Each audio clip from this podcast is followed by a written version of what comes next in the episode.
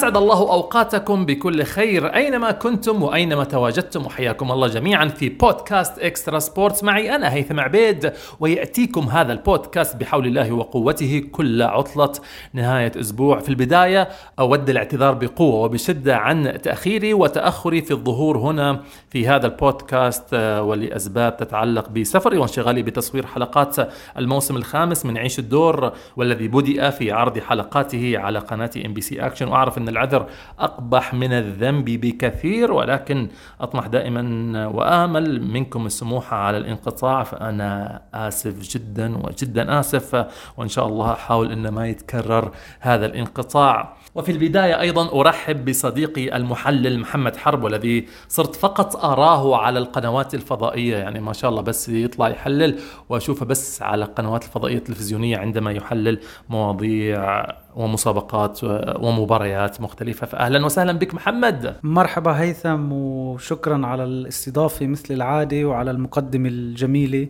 واشتقنا لنسمع معك آه، ونحلل ونتكلم في الكرة ومواضيع الكرة. شكرا جزيلا على حضورك وإن شاء الله بإذن الله منور كل الأقنية التلفزيونية وكل الأقنية أيضا وقنوات ومجالات البودكاست المختلفة. فأهلا وسهلا بك محمد. أهلا وسهلا فيك ومتحمس جدا نتكلم عن اللي حصل آخر فترة في كرة القدم العالمية والعربية والمحلية وإن شاء الله تكون الحلقة على مستوى توقعات المستمعين. المستمعين جميعا. أهلا وسهلا. مثل ما قلت واليوم نتكلم عن مواضيع كروية مختلفة عربية وإقليمية وأيضا قارية وعالمية. نبدأ بالبطولة العربية أو كأس العرب وتحديدا هذه المباراة النهائية التي ستجمع منتخبي تونس والجزائر التي ستقام هذه المباراة يوم السبت الثامن عشر من ديسمبر على استاد البيت في منطقة الخور بقطر. تأهل منتخب تونس إلى نهائي كأس العرب بفوز قاتل أمام مصر بهدف نظيف على استاد 9 7 4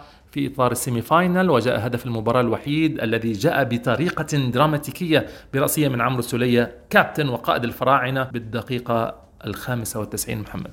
المباراة فعلا آه، كانت آه، نتيجتها أو الطريقة التي انتهت بها نتيجة المباراة كانت دراماتيكية. آه، حزنت جدا لشخص عمر السولية خاصة أنه خلال هذه البطولة كان عنده فرصة يمثل منتخب مصر وكمان ما ننسى خلال البطولة سجل ضربة الجزاء في المباراة اللي قبلها. كان متحمس جدا أنه يكون هو عنصر أساسي آه، بالمنتخب الأساسي لمصر بسبب هذه البطولة. تونس مصر دائما مبارياتهم فيها دراما وإثارة. تونس كان دائما أعلى من مصر بالنتائج أو بالتفوق على نتائج المنتخب المصري إذا عم نتكلم على مستوى المنتخبات ليس على مستوى الفرق. مصر لم تكن تلعب بالأساسيين وحتى تونس يعني لكن اللاعبين المحليين المصريين أقل اداء أو أقل جودة عن أداء وجودة اللاعبين المحليين التونسيين. في النهائي ستكون تونس مرشح قوي بغض النظر عن مواجهة الفريق الآخر اللي حنتكلم عنه اللي هو الجزائر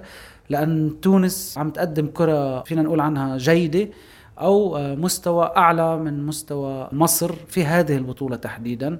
آه، مصر مع كيروش كانت تجربة جيدة آه، للاستحقاق القادم في تصفيات كأس العالم 2022 لكن الانتقادات كثيرة لكيروش مع منتخب الفراعنة. الأسماء التي اختارها كيروش أنا مؤمن بأنه كيروش اختار أسماء ستساعده في البناء للمنتخب الأول الذاهب آه، إن شاء الله إلى كأس العالم قبل آخر استحقاق آه، في التصفيات. اختيار كيروش لم يأتي من عدم اختيار كيروش أتى من خبرة وهذه أحسن فرصة لتجربة اللاعبين الذي سيطعم بهم المنتخب الأول الذاهب إلى كأس العالم إن شاء الله. إن شاء الله. كل التوفيق للمنتخبات العربية جميعا سواء كان المنتخب المصري أو حتى التونسي. والمشكلة لو وقعوا هم الاثنين في مباراة فاصلة وتأهيلية ومباراة نارية راح تكون في تصفيات كأس العالم آه، القادمة في قطر مشكلة حتكون صح؟ نتمنى أنه كل المنتخبات الشمال أفريقيا أو المنتخبات العربية في أفريقيا تتأهل وعدم مواجهتها لبعض في التصفيات لأنه فعلا سنخسر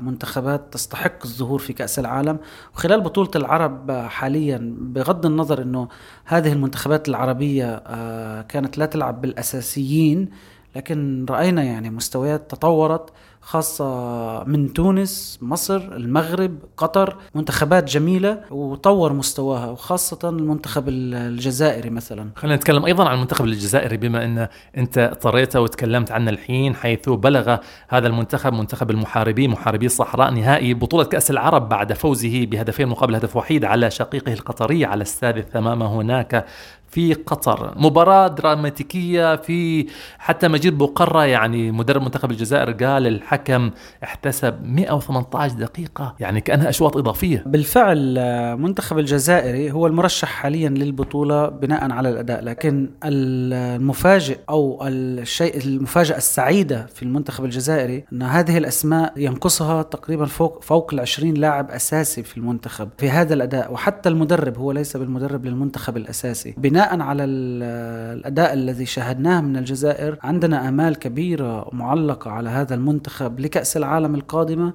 أو لرفع صورة كرة القدم في البلدان العربية أمام المجتمع الدولي كافة. لو ندخل في ماذا حصل في المباراة والأحداث الدراماتيكية وال الوقت بدل ضائع الذي حسب حتى يعني المدرب الفائز استغرب من بعض هذه الأحداث. لن لا نريد التبرير للحكم. أو ندخل في نظريات المؤامرة ولماذا أضاف كل هذا الوقت بسبب احتفال بسبب إصابات بسبب أي شيء آخر. المنتخبان القطري والجزائري كانا الأحق بالوصول إلى النهائي بناء على مستوى على مستوى كل منتخب منهم. كان نهائي مبكر.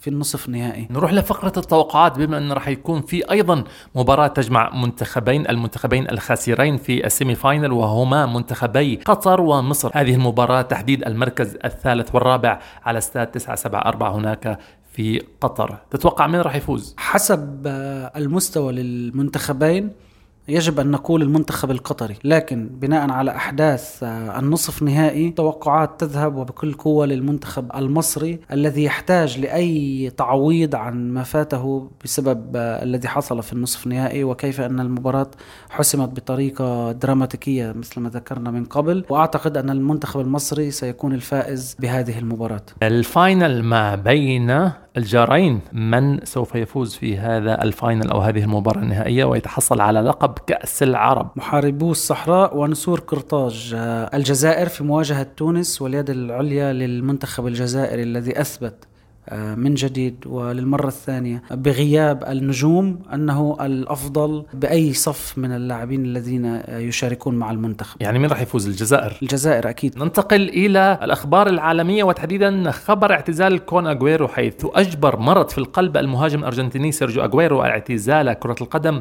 حيث أعلن لاعب برشلونة الاعتزال بعد ثبوت إصابته في القلب وهو في الثالثة والثلاثين من العمر. أسدل الستار على مسيرة حافلة في الملاعب استمرت على مدار 18 عاما أحرز خلالها الكون أكثر من 400 هدف ما هو واقع اعتزال أغويرو على نادي برشلونة محمد. هي صدمة لكل محبي كرة القدم لأن اغويرو كان لديه الكثير ليقدمه بعد لكرة القدم وهو من أفضل المهاجمين على مستوى العالم وفي العشر سنوات الأخيرة. صحة الإنسان أهم وهذا الذي قاله اغويرو آه، يجب عليه الانتباه لصحته وهذا المرض سوف يمنعه من ممارسة كرة القدم الاحترافية. الاعتزال آه، بسبب المرض شيء محزن. ما قدمه اغويرو لمانشستر سيتي خلال السنوات الأخيرة وما كان موعود به جمهور برشلونة من أجويرو الآن لن يتحقق. أجويرو سجل آخر هدف احترافي في مسيرته في الكلاسيكو فيما كان يعرف بمحاولة عودة برشلونة إلى طريق أو سكة الانتصارات. برشلونة يعتبر الخاسر الأكبر حاليا باعتزال أجويرو لأنه المهاجم الوحيد الذي يملكه الفريق.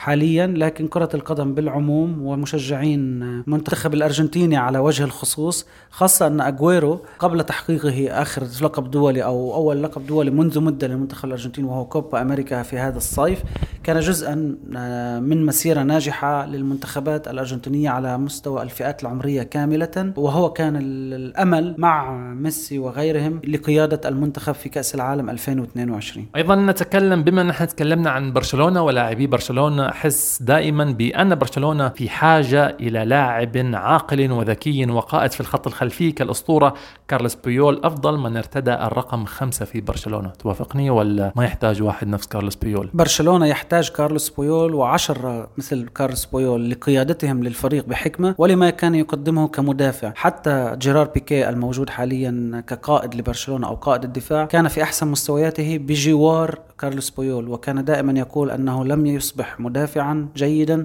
إلا بسبب آه، كارلوس بويول الذي كان العقل كان الحكمة وكان القيادة والقلب النابض في برشلونة. هو أفضل من ارتدى الرقم خمسة في تاريخ برشلونة أوافق الرأي وهو أفضل مدافع تقريبا في تاريخ آه، برشلونة وفي تاريخ الكرة الإسبانية حتى. الملايين الملايين التي صرفت على كل اللاعبين من بعد بويول لم تأتي باسم واحد يستحق آه، ارتداء قميص برشلونة أو قيادة الدفاع الكتالوني. أيضا بالحديث عن الرقم خمسة نتكلم عن أفضل من ارتدى هذا الرقم لكن على الجانب الآخر في ريال مدريد وهو بالطبع زين الدين زيدان. هل شخصية وعقلية ونفسية لاعب كزيدان تصلح حاليا كمدرب أو كلاعب للفريق الملكي؟ أحس إن زيدان بهذه العقلية يحب الفريق أو مهاري أو كذا هالعقلية ما صارت تأكل عيش سواء كان في برشلونة ولا حتى ريال مدريد أو حتى كمدرب أيضا. يعني حتى شفنا تجربته كمدرب وما عرف يستفيد من صغار السن عكس اللي إحنا نشوفه حاليا مع كارلو أنشيلوتي مثلا. نبتدئ بأنه أحسن من ارتدى الرقم خمسة. آه هو من أحسن لاعبين على مستوى تاريخ كرة القدم. زين الدين زيدان. فلا شك في ذلك. بالنسبة هل يصلح كمدرب؟ آه هو غادر ريال مدريد من فترة قريبة لأنه لم يقدر على هذه المهمة بعدما نجح فيها من قبل. فحاليا آه زيدان لا يصلح لقيادة فريق مثل ريال مدريد أو بعض الفرق الأخرى بسبب العقلية التي تغيرت في آخر سنتين في اللاعبين وفي جمهور حتى كرة القدم الذي يطلب أشياء من المدرب ومن الفريق ونتائج سريعة جدا جدا. فليس آه، عنده المقدرة على البناء مع صغار السن. هذا هو زيدان كمدرب لكنه ناجح بإدارة النجوم مثل ما نجح من قبل. كلاعب في مميزات زيدان أعتقد أنه سينجح في أي فريق في أي عقد أو في أي عصر من عصور كرة القدم. طيب خلينا نتكلم عن أشياء في القارة الأوروبية حيث أسفرت إعادة قرعة ثمن النهائي ال Champions League الأوروبية التي سحبت بمدينة نيون السويسرية عن مواجهات نارية وأخرى سهلة نسبيا. نتكلم عن مواجهات بين ريد بول آه، سالزبورغ وبايرن ميونخ وسبورتنج لشبونه راح يقابل مانشستر سيتي بنفيكا آياكس تشيلسي ليل الفرنسي أتلتيكو مدريد. سوف يقابل مانشستر يونايتد فياريال راح يقابل يوفنتوس وإنتر ميلان راح يقابل ليفربول. وأما أقصى وأكبر وأكثر المواجهات حدية ونارية سوف تكون بين باريس سان جيرمان الفرنسي وريال مدريد الإسباني. شو رأيك أنت في إعادة القرعة وليش إعادة القرعة؟ وفي ناس زعلت من إعادة القرعة وفي قالت ناس هذه مؤامرة وفي أيضا الاتحاد الأوروبي يعاقب ريال مدريد. الخطأ التقني الذي حصل في قرعة Champions League أو دوري أبطال أوروبا كان يجب أن يؤدي إلى إعادة القرعة في وقتها. أنا اختلافي وبعيدا عن نظريات المؤامرة أن القرعة وقرار إعادتها تم بعد ساعتين تقريبا. كان يجب أن تعاد القرعة في لحظتها لأن الخطأ التقني كان يؤدي إلى إعادة القرعة وهو سحب فريق مانشستر يونايتد مع فياريال ومن ثم عدم وجود مانشستر يونايتد في القرعة آه، المؤهلة مع أتلتيكو مدريد وغيرها. نظريات المؤامرة دائما موجودة في كرة الشامبيونز ليج على مدار السنين الكرات الحارة والباردة وغيرها وغيرها وغيرها وهي ليست بعقاب لريال مدريد أو غيره. كان هناك خطأ تقني وكان يجب معالجته فورا. الخطأ الثاني الذي حصل أن عولج الخطأ بعد ساعتين أو ثلاثة مما أعطى للناس حرية التكلم بنظريات المؤامرة هذه. أما بالنسبة للقرعة نفسها فهي لم لم تسفر إلا عن مواجهتين قويتين مثل ما ذكرت إنتر وليفربول وطبعا باريس سان جيرمان وريال مدريد بسبب الأسماء التي يحملها باريس سان جيرمان حاليا والتي أصبحت جاهزة للعب من مجددا وأولها آه، سيرجيو راموس بمواجهة فريقه والذي كان هو قائده السابق ريال مدريد. خلينا نتكلم عن التوقعات باريس سان جيرمان ريال مدريد باريس سان جيرمان انتر ميلان ليفربول انتر ميلان فياريال يوفنتوس يوفنتوس اتلتيكو مدريد مانشستر يونايتد اتلتيكو مدريد تشيلسي وليل الفرنسي تشيلسي بنفيكا اياكس بنفيكا. سبورتنج لشبونه مانشستر سيتي ما يحتاج. مانشستر سيتي ريد بول سالزبورغ وبايرن ميونخ كمان ما يحتاج. بايرن ميونخ من المقرر إقامة مباريات جولة الذهاب أيام 15 16 و22 و23 فبراير 2022 إن شاء الله فيما ستقام مواجهات الإياب أيام 8 و9 و15 و16 من مارس من العام المقبل إن شاء الله. ونتكلم أيضا عن البطولة الأخرى اليوروبا ليج حيث حملت قرعة ملحق الدور الأول من الدوري الأوروبي أو اليوروبا ليج. حملت هذه القرعة مواجهة صعبة لبرشلونة الذي فشل في عبور دور المجموعات لأول مرة منذ 21 عاما دوري المجموعات بالشامبيونز ليج. نتكلم عن نتيجة القرعة. أوقعت القرعة إشبيليا مع دينامو الزغرب الكرواتي وأتلانتا مع أولمبياكوس اليوناني لايبزيغ مع ريال سوسيداد الإسباني. أوقعت حتى برشلونة مع نابولي الإيطالي زينت الروسي مع ريال بيتيس الإسباني دورتموند مع رينجرز الإسكتلندي وشيريف تيراسبول من مولدوفيا أوقعت هذه القرعة مع سبورتينغ براغا البرتغالي وفي النهاية أيضا فريق برتغالي آخر هو بورتو أوقعته مع لاتسيو الإيطالي. محمد أيضا بوجود برشلونة في هذه المسابقة سوف يعني يلفت الانتباه أكثر بهذه المباريات تحديدا مباراة واحدة وهي برشلونة ونابولي الإيطالي. برشلونة وجوده في اليوروبا ليج يذكرنا بوجود مانشستر يونايتد والمسيرة الناجحة في اليوروبا ليج أيام مورينيو وهو ما سيجلب بعض الاهتمام لليوروبا ليج هذه السنة. هي مواجهة الأقوى تقريبا في هذا الدور لأن الطرف الآخر هو فريق نابولي الذي ينافس حاليا على المركز الأول في بطولة الدوري الإيطالي. مباريات ثانية ممكن أن تكون مثيرة للاهتمام طرفها ريال بيتيس مع زينت مباراة دورتموند مع رينجرز. وحتى مباراة شريف آه، آه، الفريق المولدوفي ممكن الناس تتابعها بسبب ما حصل في الشامبيونز ليج والأداء الذي قدمه هذا الفريق في الشامبيونز ليج.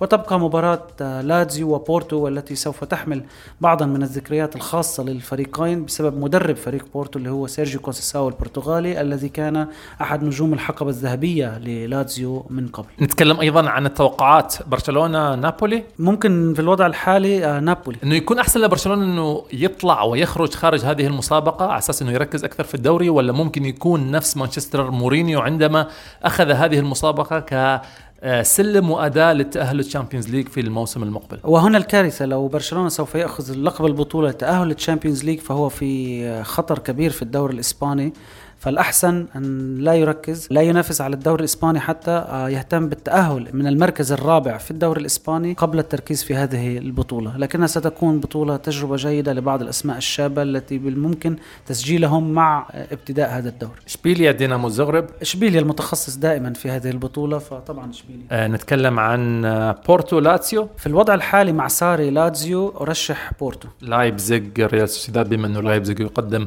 أداءات رائعة في البوندسليغا الألمانية. وسوسيداد هذا الموسم ينافس حتى في الدوري الإسباني. مباراة ستكون صعبة للفريقين لكن لايبزيغ آه، له اليد العليا. شكرا جزيلا. وكان هذا كل ما لدينا في حلقتنا لليوم من بودكاست Extra Sports. شكرا جزيلا أيضا لضيفي محمد حرب على كل ما شاركنا به اليوم من معلومات. شكرا جزيلا محمد. شكرا هيثم وإن شاء الله تكون الحلقة على قدر توقعات المستمعين. أيضا الشكر موصول لكل من استمع لنا وإن شاء الله تكون الحلقة كانت مفيدة لكم ورجاء. شاركوها عبر وسائل وصفحات البودكاست المختلفة لكي تعم الفائدة بصورة أكبر. وإن شاء الله نلتقي في عطلة نهاية الأسبوع القادم. فإلى أن نلتقي تقبلوا تحياتي محدثكم أنا هيثم عبيد. إلى اللقاء.